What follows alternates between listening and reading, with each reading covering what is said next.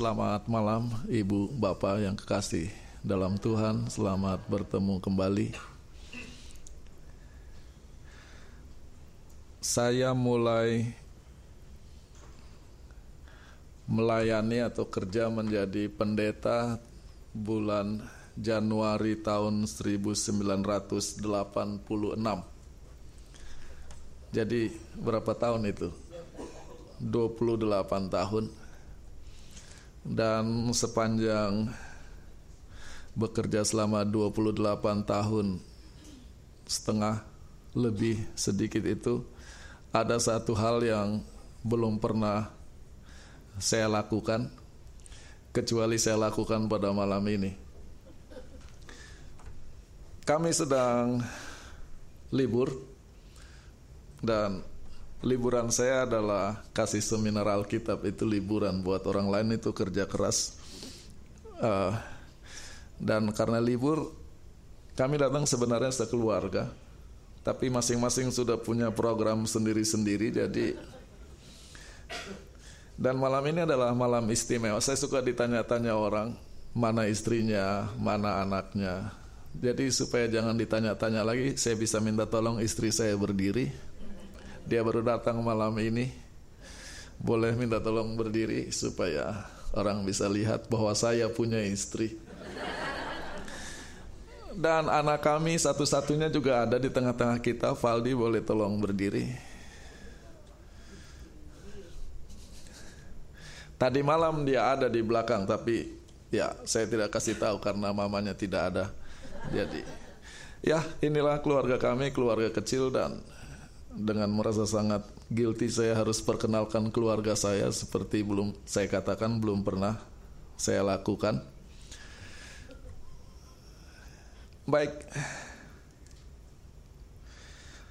Ada banyak cara membaca Alkitab. Minimal saudara membaca Alkitab itu sudah bagus sekali. Tetapi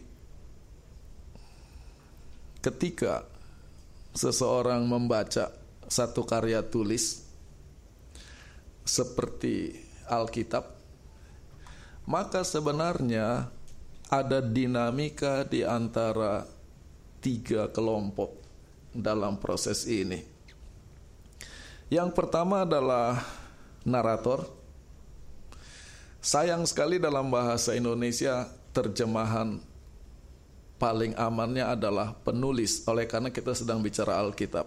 Narator belum tentu penulis. Narator dia hanya merupakan orang yang menceritakan.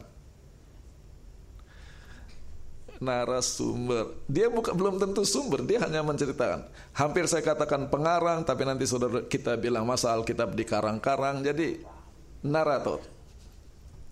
Dialah yang menceritakan dari awal sampai akhir dari cerita.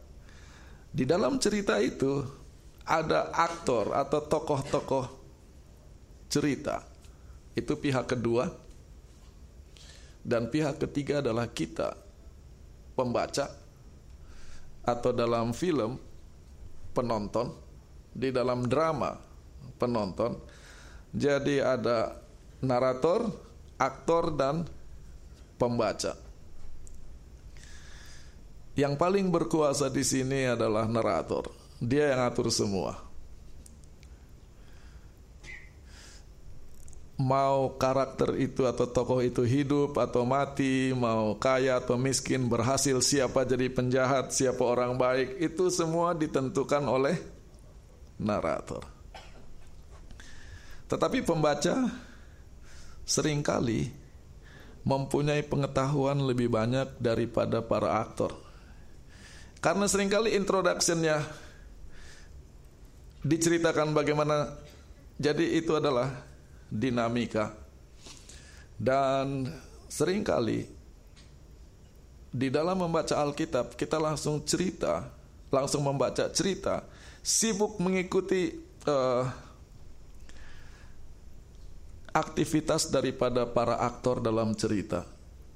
Tetapi kalau kita mau membaca lebih saya minta maaf untuk kata yang tidak lebih baik, yang lebih cerdas adalah memperhatikan apa yang narator mau kita lihat, Jadi membaca dari sudut pandang narator, maka tiba-tiba kita bisa mempunyai hal-hal yang tidak kita lihat sebelumnya.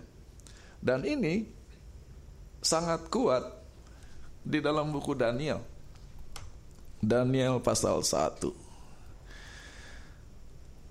Pada tahun ketiga pemerintahan Yoyakim Raja Yehuda Nebukadnezar Raja Babylon datang ke Yerusalem dan mengepung kota itu.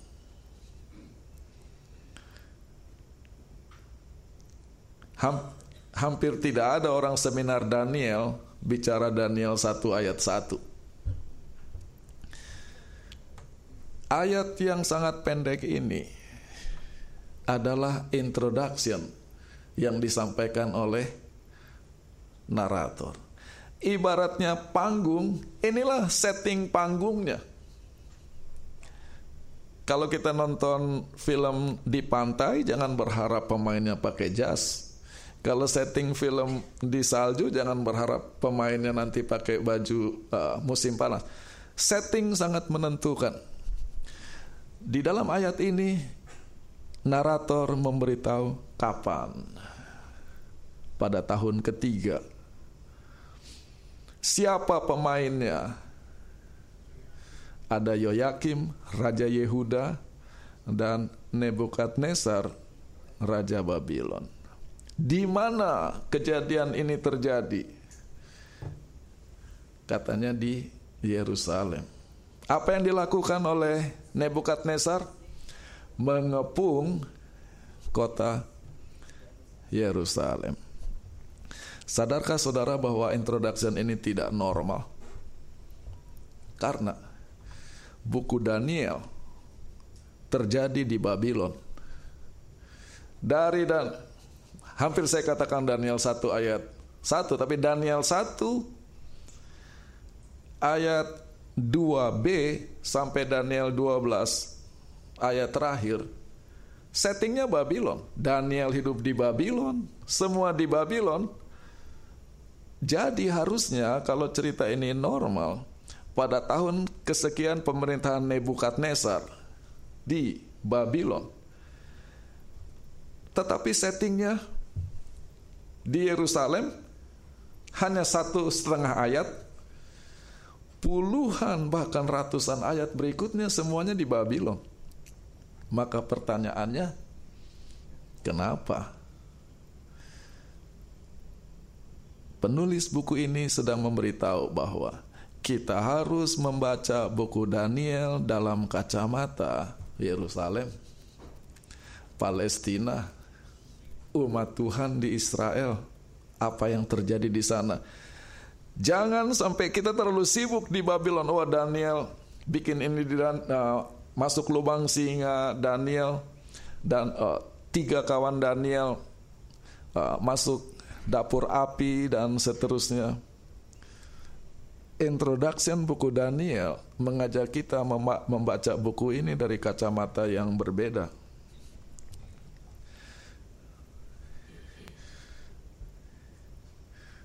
Sadarkah saudara bahwa the book of Daniel is about the end? Uh, bahasa Arabnya kiamat. The end. Dan begitu bicara the end, kita selalu bicara tentang oh sorry, kiamat itu peng, peng, apa, penghakiman akhirat, aharit bahasa Ibrani, akhirat, akhir bahasa Indonesia the end. Begitu bicara buku Daniel, kita bicara tentang akhir zaman. Tetapi yang mau disampaikan oleh penulis buku Daniel, sebelum kamu mengerti akhir zaman dengan segala dinamikanya, kamu perlu mengerti akhir yang lebih kecil. Akhir dari suatu cerita yang dimulai di buku Kejadian. Cerita itu dimulai di kejadian pasal 12. Bahkan sebagian orang bisa tarik mundur dari kejadian 1 ayat 1. Tapi di Daniel, eh sorry, kejadian 12 ayat 1 lebih spesifik.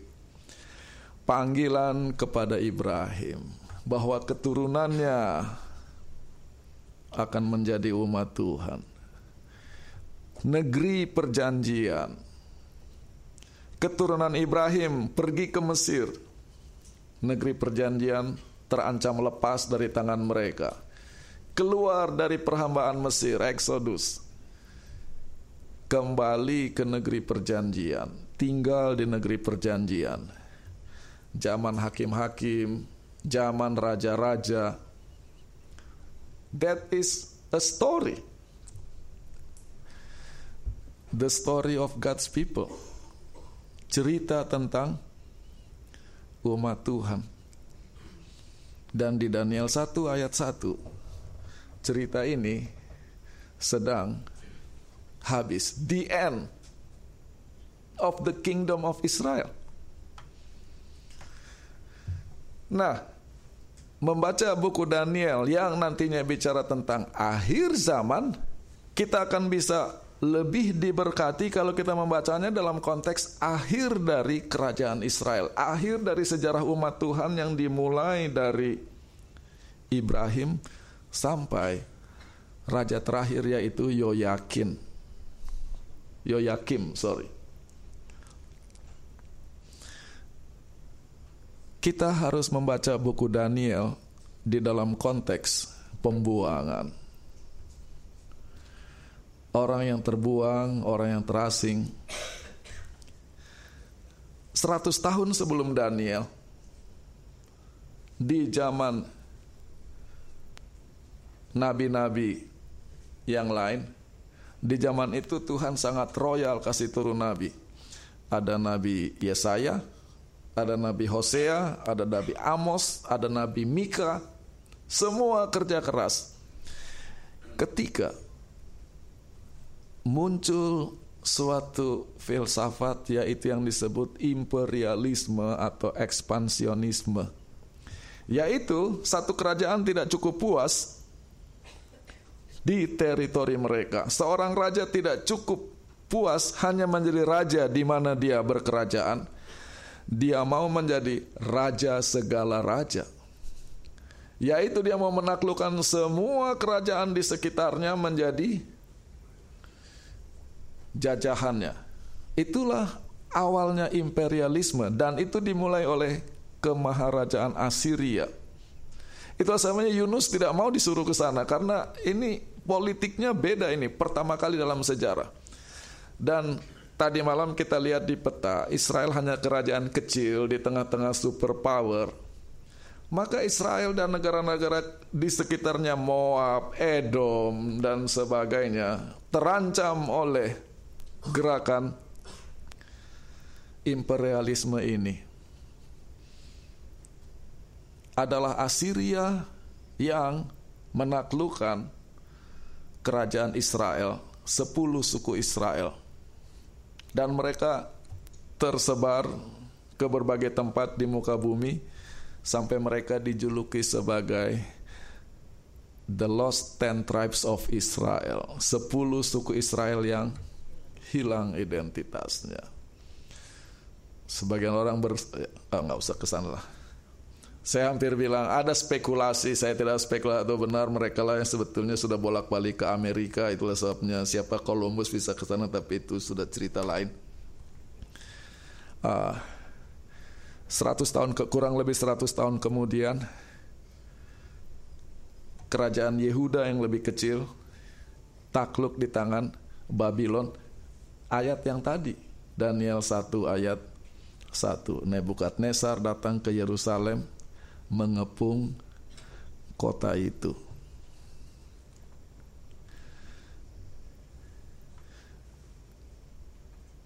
Ketika Babylon memulai gerakannya menaklukkan satu kerajaan demi kerajaan Assyria dia taklukkan maka bagaimana kira-kira pikiran dari orang-orang di Yehuda. Apa yang harus kita lakukan? Israel di atas sudah kalah. Dan ini suatu pukulan yang sangat menyedihkan. Tuhan tidak melindungi umatnya.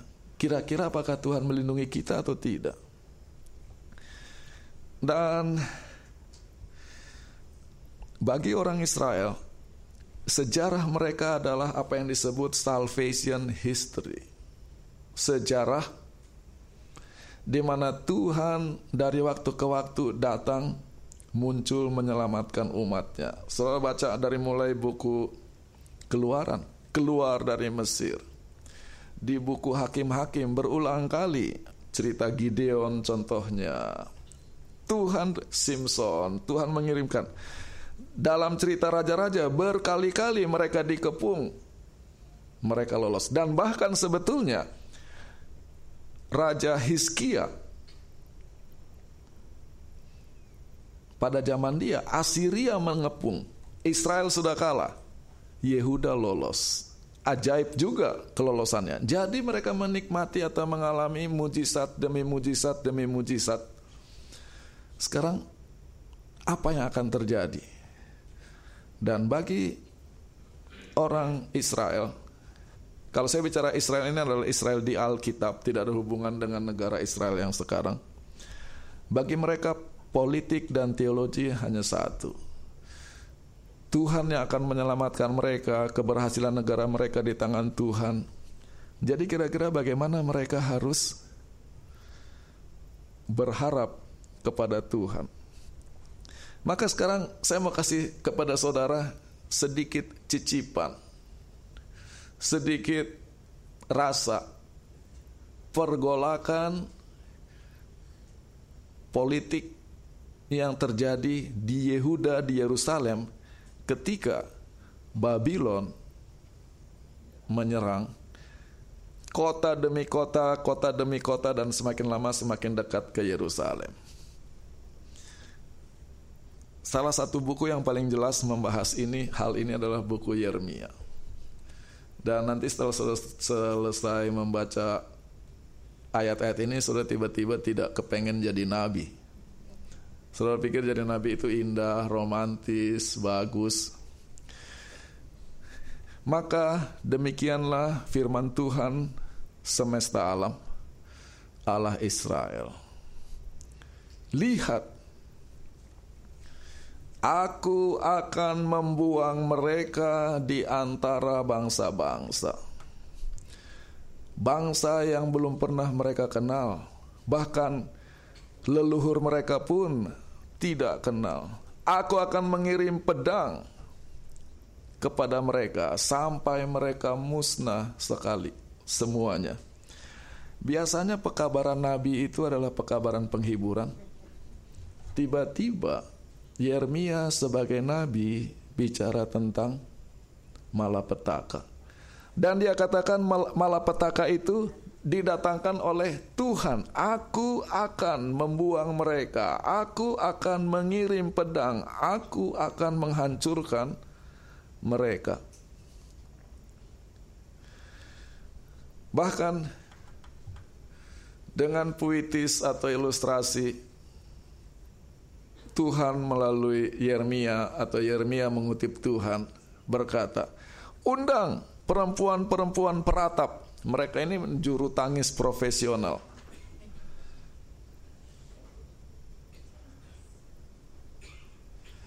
Di mana saya sudah cerita di sini atau uh, jadi ada orang ahli menangis sampai dia mengalami suatu peristiwa. Ya, mungkin ya ya saya minta maaf kalau cerita ini saya ulangi karena saya senang dengan cerita ini. Saya punya ketua jemaat namanya Bapak Simatupang, ayahnya meninggal. Jadi mereka pulang kampung semua dan mereka sedih.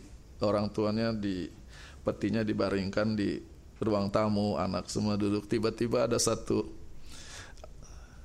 sebuah seekor, kalau angkot apa?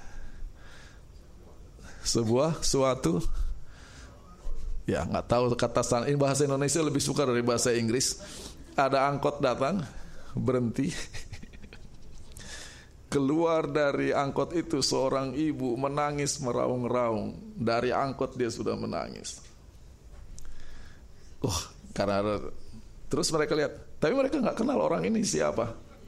Wah, begitu dia masuk, wah dia ucapkan kata-kata ratapan menangis terus, menangis terus. Sampai tiba-tiba setelah asik menangis, dia lihat, loh kok yang meninggal berkumis. Dia lihat kok dia nggak kenal. Dia dia tanya, ini bukan si Anu. Oh bukan rumah dia di ujung sana. Rupanya dia sudah nangis salah rumah orang. Maka dia keluar baru nangis yang benar di tempat yang benar di juru ratap. Undang kata Yeremia juru ratap. Dan ini tangisannya. Betapa hancurnya kita dari Sion ya, Yerusalem betapa besarnya kita dipermalukan. Kita harus meninggalkan negeri kita. Rumah kita sudah hancur lebur. Pembuangan. Ini khotbah Yeremia ya. Jadi sementara tentara Babylon mengepung, gantinya Yeremia bilang, Tuhan beserta kita Tuhan. Tidak, ini dia punya khotbah. Kita hancur, kita kalah, kita kalah. Marahlah tentara. Ini orang bukannya kasih kuat justru kasih patah semangat. Yeremia sampai dituduh dia adalah pengkhianat bangsa, pro kepada Babylon.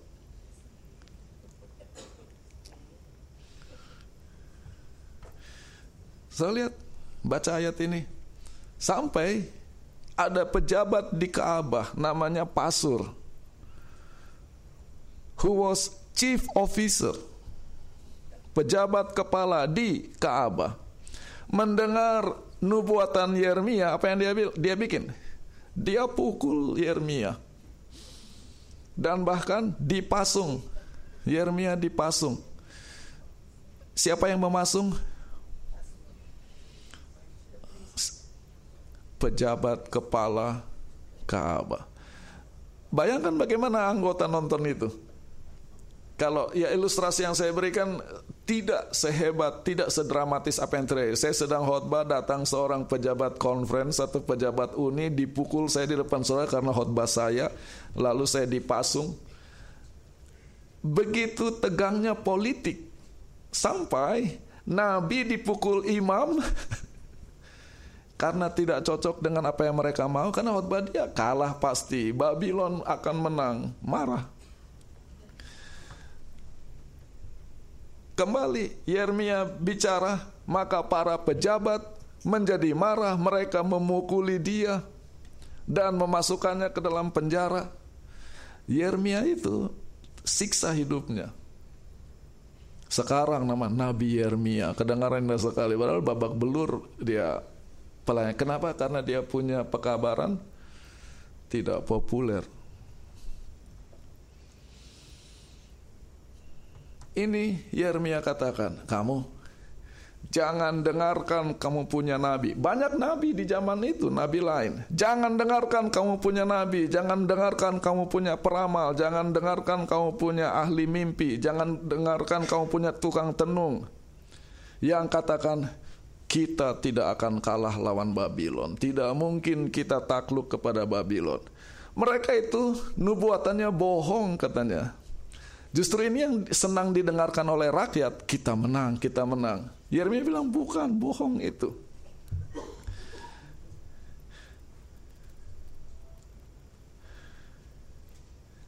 Negara yang mau menyerah kepada Babylon. Menggunakan bahasa lebih kejam lagi, yang mau menyerahkan lehernya untuk memikul kuk Babylon katanya. Mereka akan selamat kata. Jadi dan uh, Yeremia punya ber, uh, pekabaran simple, menyerah saja. Menyerah saja. Bukan hanya itu, Tuhan bilang kepada Tuhan katakan kepada Yeremia, Saya tidak tahu. Oh, dia suruh bikin uh, apa? Cook itu yang untuk sapi atau lembu. Ambil tali, kamu pikul itu dan kamu ikat di lehermu dan dia jalan ke mana-mana bawa kuk sapi. Itu Yeremia. Artinya menyerah kepada Babylon, menyerah kepada Babylon. Ini pekabarannya. Aku telah memberi negeri ini kepada Nebukadnezar, raja Babylon hambaku, kata Tuhan. Jadi umat Tuhan justru yang jadi hamba Tuhan, rajanya musuh, umat Tuhan justru sekarang ini sangat membingungkan. Dan bahwa bangsa atau kerajaan yang tidak mau menyerah kepada Nebukadnezar, aku akan menghukum kata Tuhan. Bangsa itu dengan pedang, dengan kelaparan, dengan penyakit, sambil pikulku ke mana-mana dia khotbah itu Yeremia, bikin marah orang. Muncul nabi lain namanya Hanania. Di Kaabah lagi settingnya. Yeremia 28 ayat 1 dan 2. Di hadapan semua imam-imam dan di depan semua jemaat. Demikianlah firman Tuhan kata Hanania. Tuhan telah mematahkan kuk Raja Babylon katanya. Jadi Yeremia bilang menyerah, terima kuk. Hanania bilang tidak, kuk sudah dipatahkan. Lalu apa yang terjadi? Kemudian Nabi Hanania, Hananaya, the prophet, merebut kuk itu dari leher Jeremiah, the prophet. Jadi Nabi berkelahi lawan Nabi ditonton semua orang dan mematahkan kuk itu. Jadi rebutan kuk mematahkan dramatis sekali bahwa Nabi punya pandangan yang bertolak belakang. Nabi ribut sama imam. Nabi dipukuli imam, Nabi dipukuli pejabat dalam hal ini Yeremia. Itulah suasana ketika Yerusalem sedang dikepung oleh Nebukadnezar. Apa yang harus kita lakukan? Berjuang atau menyerah? Yeremia bilang menyerah. Yang lain tidak berjuang, ribut terus. Bahkan kalau sudah baca sendiri bukunya, supaya dia jangan khotbah lagi, dia di penjara, ditaruh di sumur kering di bawah, supaya kalau dia teriak-teriak pun tidak ada yang dengar. Sampai nanti ada orang asing yang angkat dia.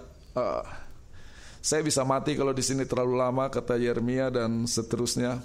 Buku Yeremia dibakar karena mereka tidak suka dengan pekabarannya. Itulah dinamika dari Daniel 1 ayat 1. Ayatnya sangat simpel pada tahun ketiga pemerintahan Yoyakim, datanglah Nebukadnezar ke Yerusalem dan mengepung kota itu. Tapi membaca buku-buku lain, kita bisa mengerti. Kita pindah ke buku Yehezkiel. Saya cuma mau kasih tunjuk saudara bahwa itu tidak simpel. Beginilah cara buku Yehezkiel dibuka. Terjadilah pada tahun ke-30 pada hari yang kelima pada bulan yang keempat ketika aku ada di tepi sungai Kebar bersama dengan orang buangan langit terbuka dan aku melihat penglihatan tentang Allah pada bulan kelima dari tahun kelima pembuangan Raja Yoyakin. Firman Tuhan datang kepada Yehezkiel, sang imam, anak busi di negeri orang Kasdim. Inilah pembukaan buku Yehezkiel. Saya lihat ada sesuatu yang unik dalam ayat ini. Pada tahun ke-30 dari apa?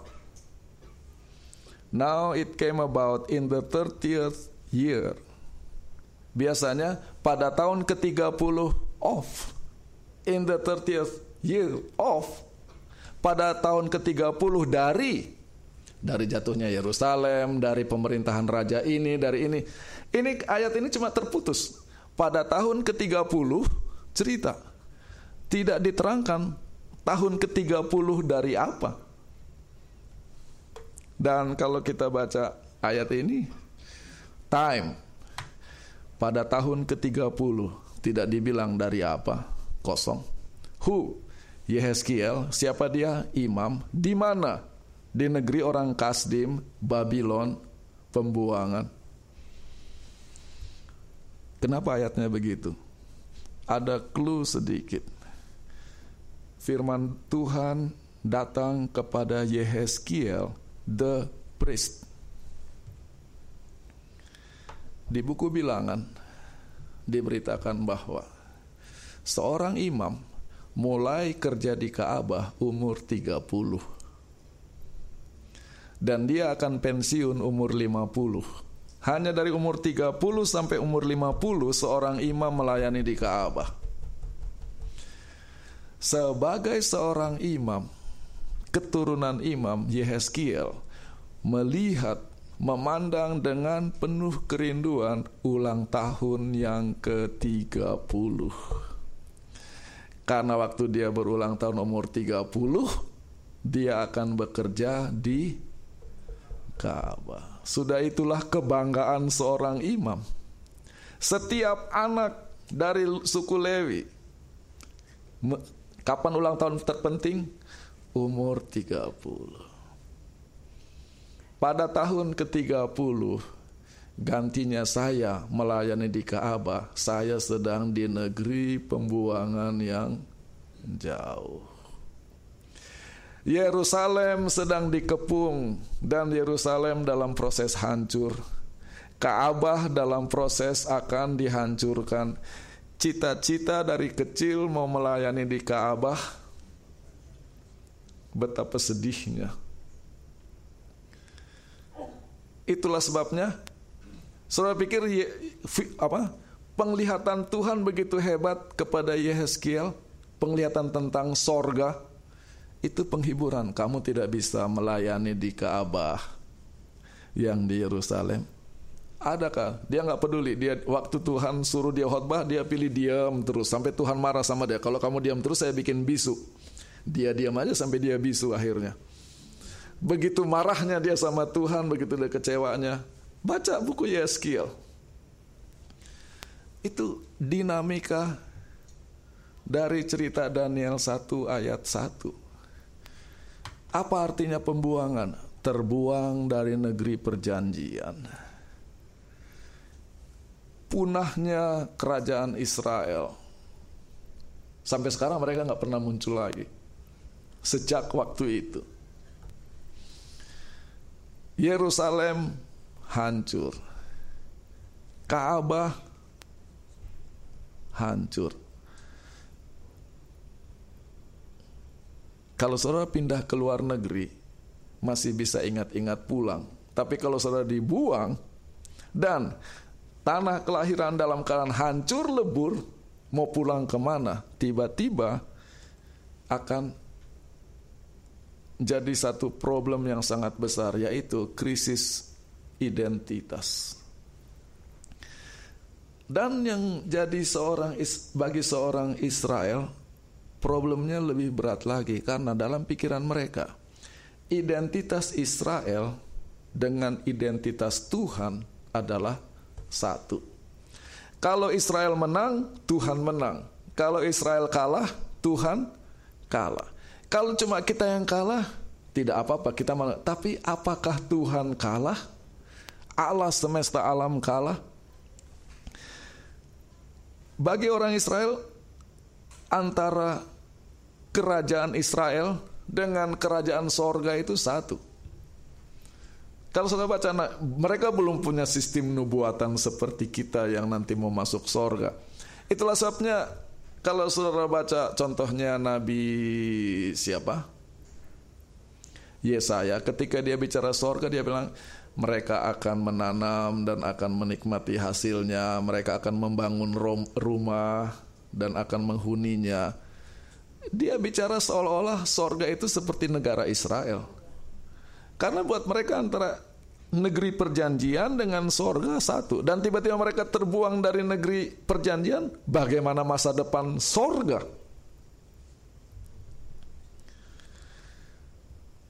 Jadi sekarang inilah krisis identitas yang semua orang Israel alami termasuk Daniel dan kawan-kawannya. Di mana Tuhan? Di mana Tuhan? Ingat the salvation history is a history of God's intervention. Mereka punya sejarah adalah sejarah uh, campur tangan Tuhan dalam menyelamatkan umatnya. Dan sekarang mereka dalam keadaan kalah. Bagaimana mereka mau berhubungan dengan Tuhan ini?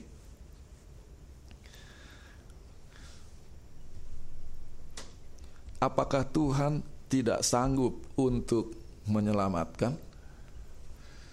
Dan ini adalah pertanyaan yang sangat menyakitkan. Ini contoh pertanyaannya.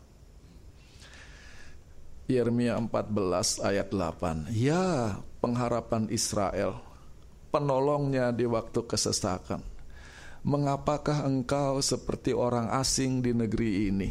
Jadi mereka sedang apa? Perang. Mereka berdoa-berdoa, Tuhannya kayak orang kayak orang asing, gantinya memimpin mereka. Ayat 9-nya lebih hebat lagi. Tuhan, mengapakah engkau seperti orang bingung? Tuhan dibilang bingung sama mereka.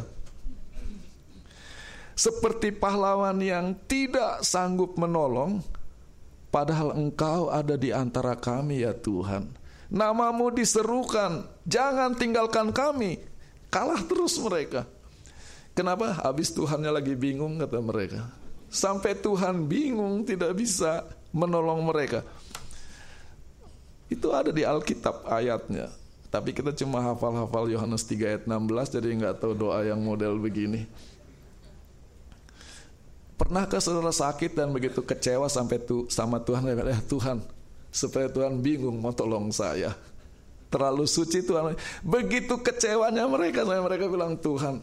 Kalau bahasa mana Tuhan bingung-bingung itu kan sudah seperti sudah seperti bingung sekali dan tidak tahu mau bikin apa.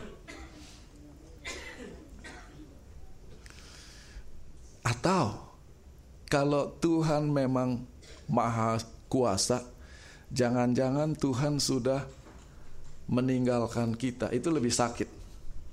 Kita ditinggalkan oleh Tuhan. Maka doa Tuhan Yesus, Allahku, Allahku, mengapa engkau meninggalkan aku? Itu sudah doa mereka waktu pembuangan. Allahku, Allahku, mengapa engkau meninggalkan? Ditinggal Tuhan. Lalu, jadi apa kita masih umat Tuhan? Krisis identitas. Selama ini saudara baca uh, Sadrak Mesak Abednego. Kami tidak mau menyembah. Itu yang waktu mereka mau setia itu kepada Tuhan yang mengecewakan mereka saudara-saudara. Jadi Imannya sangat bukan karena Tuhan selama ini selalu selamat-selamat jadi mereka berani. Tuhan yang membiarkan Yerusalem dihancurkan, Tuhan yang membiarkan Ka'bah hancur, Tuhan yang membiarkan mereka terbuang. Apakah Tuhan membuang kita? Apakah kita masih umat Tuhan? Jadi baca Daniel 1 ketika diangkat jadi uh, calon pegawai istana dalam proses penelitian. Daniel berketetapan untuk tidak mau makan. Modal apa dia? Berharap kepada Tuhan yang apakah kita masih umat Tuhan? Jadi iman Daniel itu besar sekali. Iman kepada Tuhan yang sudah mengecewa. Itu yang mau dikasih tahu dari introduction. Terus masa depan Israel bagaimana? Masa depan umat Tuhan bagaimana? Kalau saudara bertanya masa depan Indonesia bagaimana, itu pertanyaan besar. Tapi kalau di zaman itu pertanyaan masa depan Israel bagaimana artinya juru selamat jadi ada atau tidak? Kalau Israel tidak ada, tidak ada juru selamat. Kalau tidak ada juru selamat, bagaimana masa depan dunia? Berikut, kalaupun Israel ada, bagaimana ada satu bangsa tanpa tanah, tanpa pemerintahan, mau jadi apa? Inilah pertanyaan yang dititipkan oleh penulis hanya dengan modal Daniel 1 ayat 1. Jawabannya ada di ayat 2. Daniel 1 ayat 2. Tuhan memberi Yoyakim Raja Yehuda ke tangan Nebukadnezar. Tuhan memberi sebagian dari perkakas Kaabah ke tangan Nebukadnezar. Dan Nebukadnezar membawanya ke tanah Sinear negerinya.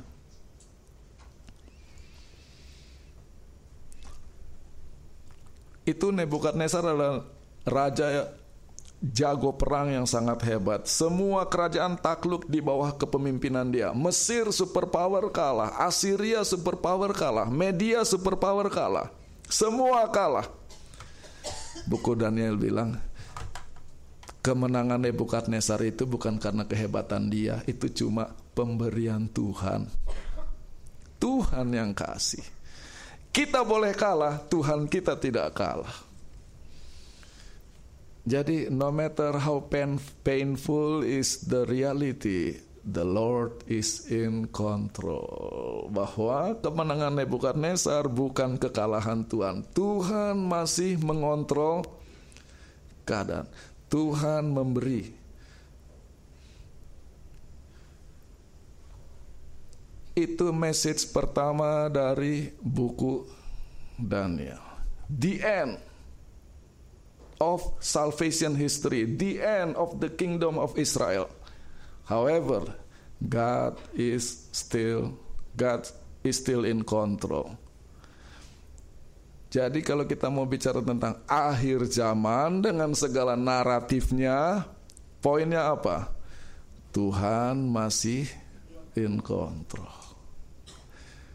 Masa depan boleh membingungkan, menakutkan, dan sangat gelap, tapi ingat Tuhan masih memegang kontrol. Sebelum baca nubuatan-nubuatan, ingat aja ini dulu kata naratornya. Dengan kata-kata yang sangat sederhana. Ada pengharapan. Ada pengharapan. Itu Daniel 2, Daniel 1 ayat 1 dan 2. Terus kita baca ceritanya. Eh, di ayat terakhir dari Daniel pasal 1, belum tentang nubuatan, belum tentang apa-apa. Ini baru cerita Daniel pasal 1. Ayatnya nakal sekali. Daniel tinggal di sana sampai tahun pertama pemerintahan Kores. Untuk orang Israel baca ini mereka ketawa ini lelucon ini di awal cerita yang begitu hebat kekuatan militernya adalah Nebukadnezar. Dia kalahkan Yerusalem, dia kalahkan Ka'bah, dia hancurkan semua bangsa-bangsa. Eh, di akhir pasal 1 ternyata yang memerintah sudah bukan Nebukadnezar lagi, sudah bukan Babylon lagi, sudah Ternyata Babylon yang hebat itu tidak kekal. Jadi mau sehebat mau tanduk kecil, mau agama ini, mau Amerika, mau apa ingat. Itu mereka tidak kekal, hanya Tuhan yang kekal. Dan lucunya lagi, kata mereka baca ini sebagai cerita lawak. Sudah terlalu serius sih baca buku Daniel. Nebukadnezar yang hebat itu hilang, Daniel yang hanya tawanan dan orang buangan, dia yang survive. Umat Tuhan survive, raja-raja superpower akan berlalu. There is a hope for Israel. Ada harapan bagi umat Tuhan. Harusnya orang-orang buangan, orang-orang penjara yang gampang mati. Begitu apa? Saya pernah lihat di film-film kalau ya kita punya istilah di Amerika kalau kita setir mobil dapat tiket ya hati-hati saya mudah-mudahan waktu polisi itu berangkat kerja tidak dimarah-marah sama istrinya Karena kalau dia sakit kepala dimarah istri lihat mobil biar nggak ini langsung stop langsung apa? langsung ditilang. Kalau saya orang tahanan perang seperti di zaman itu kalau kepala penjara dimarah istrinya dia kesal dia eh saya nggak suka lihat muka kamu langsung dibunuh Daniel itu bisa mati kapan saja dia dalam posisi sangat lemah Nebukadnezar dalam posisi sangat berkuasa tahu-tahu di akhir cerita Daniel survive Nebukadnezar yang hebat itu jadi kalau saudara mau mengagung-agungkan tanduk kecil silahkan nikmatilah itu Bukan dia yang mau survive. Umat Tuhan yang akan bertahan. Dan kata Tuhan memberi adalah kata kunci di Daniel pasal 1. Kenapa Israel kalah? Pemberian Tuhan. Kenapa musuh kelihatan begitu hebat dan begitu jago? Pemberian Tuhan. Tuhan memberi Yoyakim Raja Yehuda ke tangan Nebukadnezar. Ingat salah satu problem dengan krisis identitas yang mereka alami adalah apakah Tuhan menolak atau meninggalkan umatnya? Bagi saudara Daniel 1 ayat 9 tidak penting. Bayangkan posisi kita sebagai orang penjara dan tawanan perang. Melihat pengawas saja tidak berani. Apa lihat-lihat? Langsung ditendang, langsung dipukul, langsung dihajar. Ini sudah orang buangan, masih mau dikasih makanan raja mau tawar-tawar lagi. Boleh saya minum? Siapa kamu? Ingat bahwa Daniel menawar, saya tidak mau makan makanan raja, minta saya makanan ini.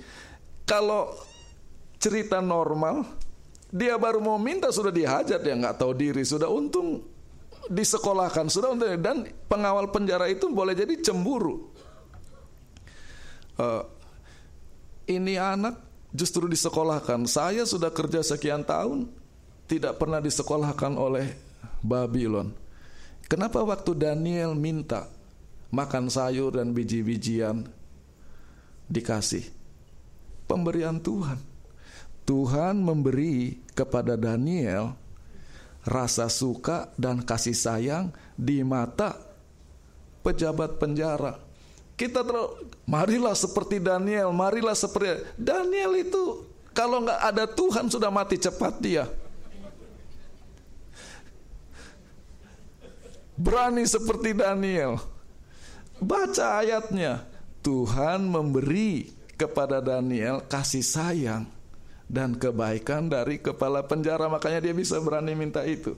Oh Daniel itu pintar Baca ayatnya. Kepada empat orang ini Tuhan memberi.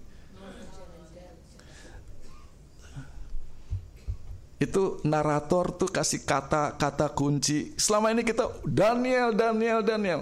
Buku Daniel bukan cerita tentang mereka. Cerita tentang Tuhan. Apakah Tuhan membuang umatnya? Apakah Tuhan melupakan umatnya? Apakah kita masih umat Tuhan? Itu pertanyaan Daniel. Jawabannya apa? Masih. Kenyataan hidup tidak selalu indah, tidak selalu enak, tidak selalu nyaman, tetapi God is still in control. That is the message. Jadi nanti kalau tentang nubuatan yang hebat-hebat baca dulu cerita ini. Makanya ceritanya dimulai dengan Daniel 1. Kita langsung lompat ke Daniel 8 Daniel 7 stres habis itu marah-marah. Oh sorry udah keterlaluan saya. Buku Daniel berakhir di pasal 12. Ada Nebukadnezar, ada binatang, ada tanduk binatang, ada tanduk kecil semua hebat. Di akhir buku yang berdiri Mikael, pemimpin besar. Ke mana mereka semua? Sama seperti di Daniel pasal 1. Ke mana Nebukadnezar? Dia manusia biasa, akan berlalu. Ke mana raja-raja itu semua? Manusia. Di akhir cerita yang berdiri adalah Mikael. Yesus yang berdiri. That is the message. Siapa itu Mikael? Kenapa yang berdiri bukan Yesus? Mikael itu dari tiga kata mi, ka, el. El itu Elohim, mi itu siapa, ka itu seperti. Itu nama yang pertanyaan, siapa yang seperti Tuhan? Itu artinya Mikael. Ya. Siapa yang seperti Tuhan? Nggak ada yang seperti Tuhan. Makanya yang berdiri di akhir cerita adalah siapa yang itu itu adalah keheranan. Kita kira kita mau hancur, kita kira siapa yang seperti Tuhan? Ternyata kita survive. Pembukaan buku Daniel, message of hope. Penutupan buku Daniel, message of hope. Saudara takut akhir zaman? Ada yang lebih ditakuti lagi dari zaman. Saudara mati. Saudara mati sekarang nggak pernah nggak sempat mengikuti semua nubuatan-nubuatan itu kan? Itulah penutupan buku Daniel. Daniel, kamu akan istirahat, tetapi kamu akan bangkit pada akhir zaman. Musuh terbesar bukan tanduk kecil, bukan binatang, bukan tanda ben, uh, tanda bina. Musuh terbesar adalah kematian, death. Itu pun kita akan menang. Dimulai dengan the end of a kingdom Daniel 1 ayat 1 ditutup dengan the end of death musuh terbesar sejak buku kejadian yang lain itu cuma bunga-bunganya, cuma ceritanya supaya seperti seru dan sebagainya. Uh, mungkin saudara dengar saya yang saya mau bilang ini aneh. Tuhan itu suka iseng dan usil saudara-saudara. Nggak boleh bilang. Jadi ibaratnya saya punya pohon jambu, lalu ada anak-anak curi jambu kalau baru dekat-dekat pohon saya sudah usir, kurang seru. Tunggu sampai mereka naik tinggi sekali baru dikagetin jatuhnya dari atas. Wah, itu puas itu nontonnya. Nggak tahu kalau besok ada waktu atau tidak. Itu kekuatan-kekuatan yang sangat menakutkan itu Tuhan biarkan sampai ujung. Nanti di bukunya maka mereka akan jatuh tanpa pertolongan manusia. Tidak dibikin oleh siapa, jatuh sendiri katanya. Maka mereka akan jatuh. Bahasa Indonesia terlalu rohani. Mereka akan jatuh tanpa pertolongan manusia. Pada maksudnya mereka jatuh nggak ada yang dorong, nggak ada yang apa-apain, jatuh sendiri. Jadi udah naik hebat-hebat, eh, jatuh juga, jatuh juga. Itu adalah salah satu teknik itu adalah salah satu teknik uh, para pengawal benteng-benteng zaman dulu. Kalau ada musuh coba-coba naik, mereka tunggu aja. Udah capek-capek naik sampai atas, begitu mau muncul ini, diketok jarinya. Baru jatuhnya ke bawah patah leher. Itu. Jadi uh, apa? Kelihatannya kekuatan kejahatan begitu hebat. Kenapa Tuhan biarkan? Karena Tuhan jauh lebih hebat dari itu. Dan pada saat yang sama Tuhan melindungi umatnya secara individu. Where is Israel? Mungkin Israel sebagai kemaharajaan sudah tidak ada. Tetapi pribadi-pribadi umat Tuhan yang tetap berserah kepadanya tetap adalah Israel.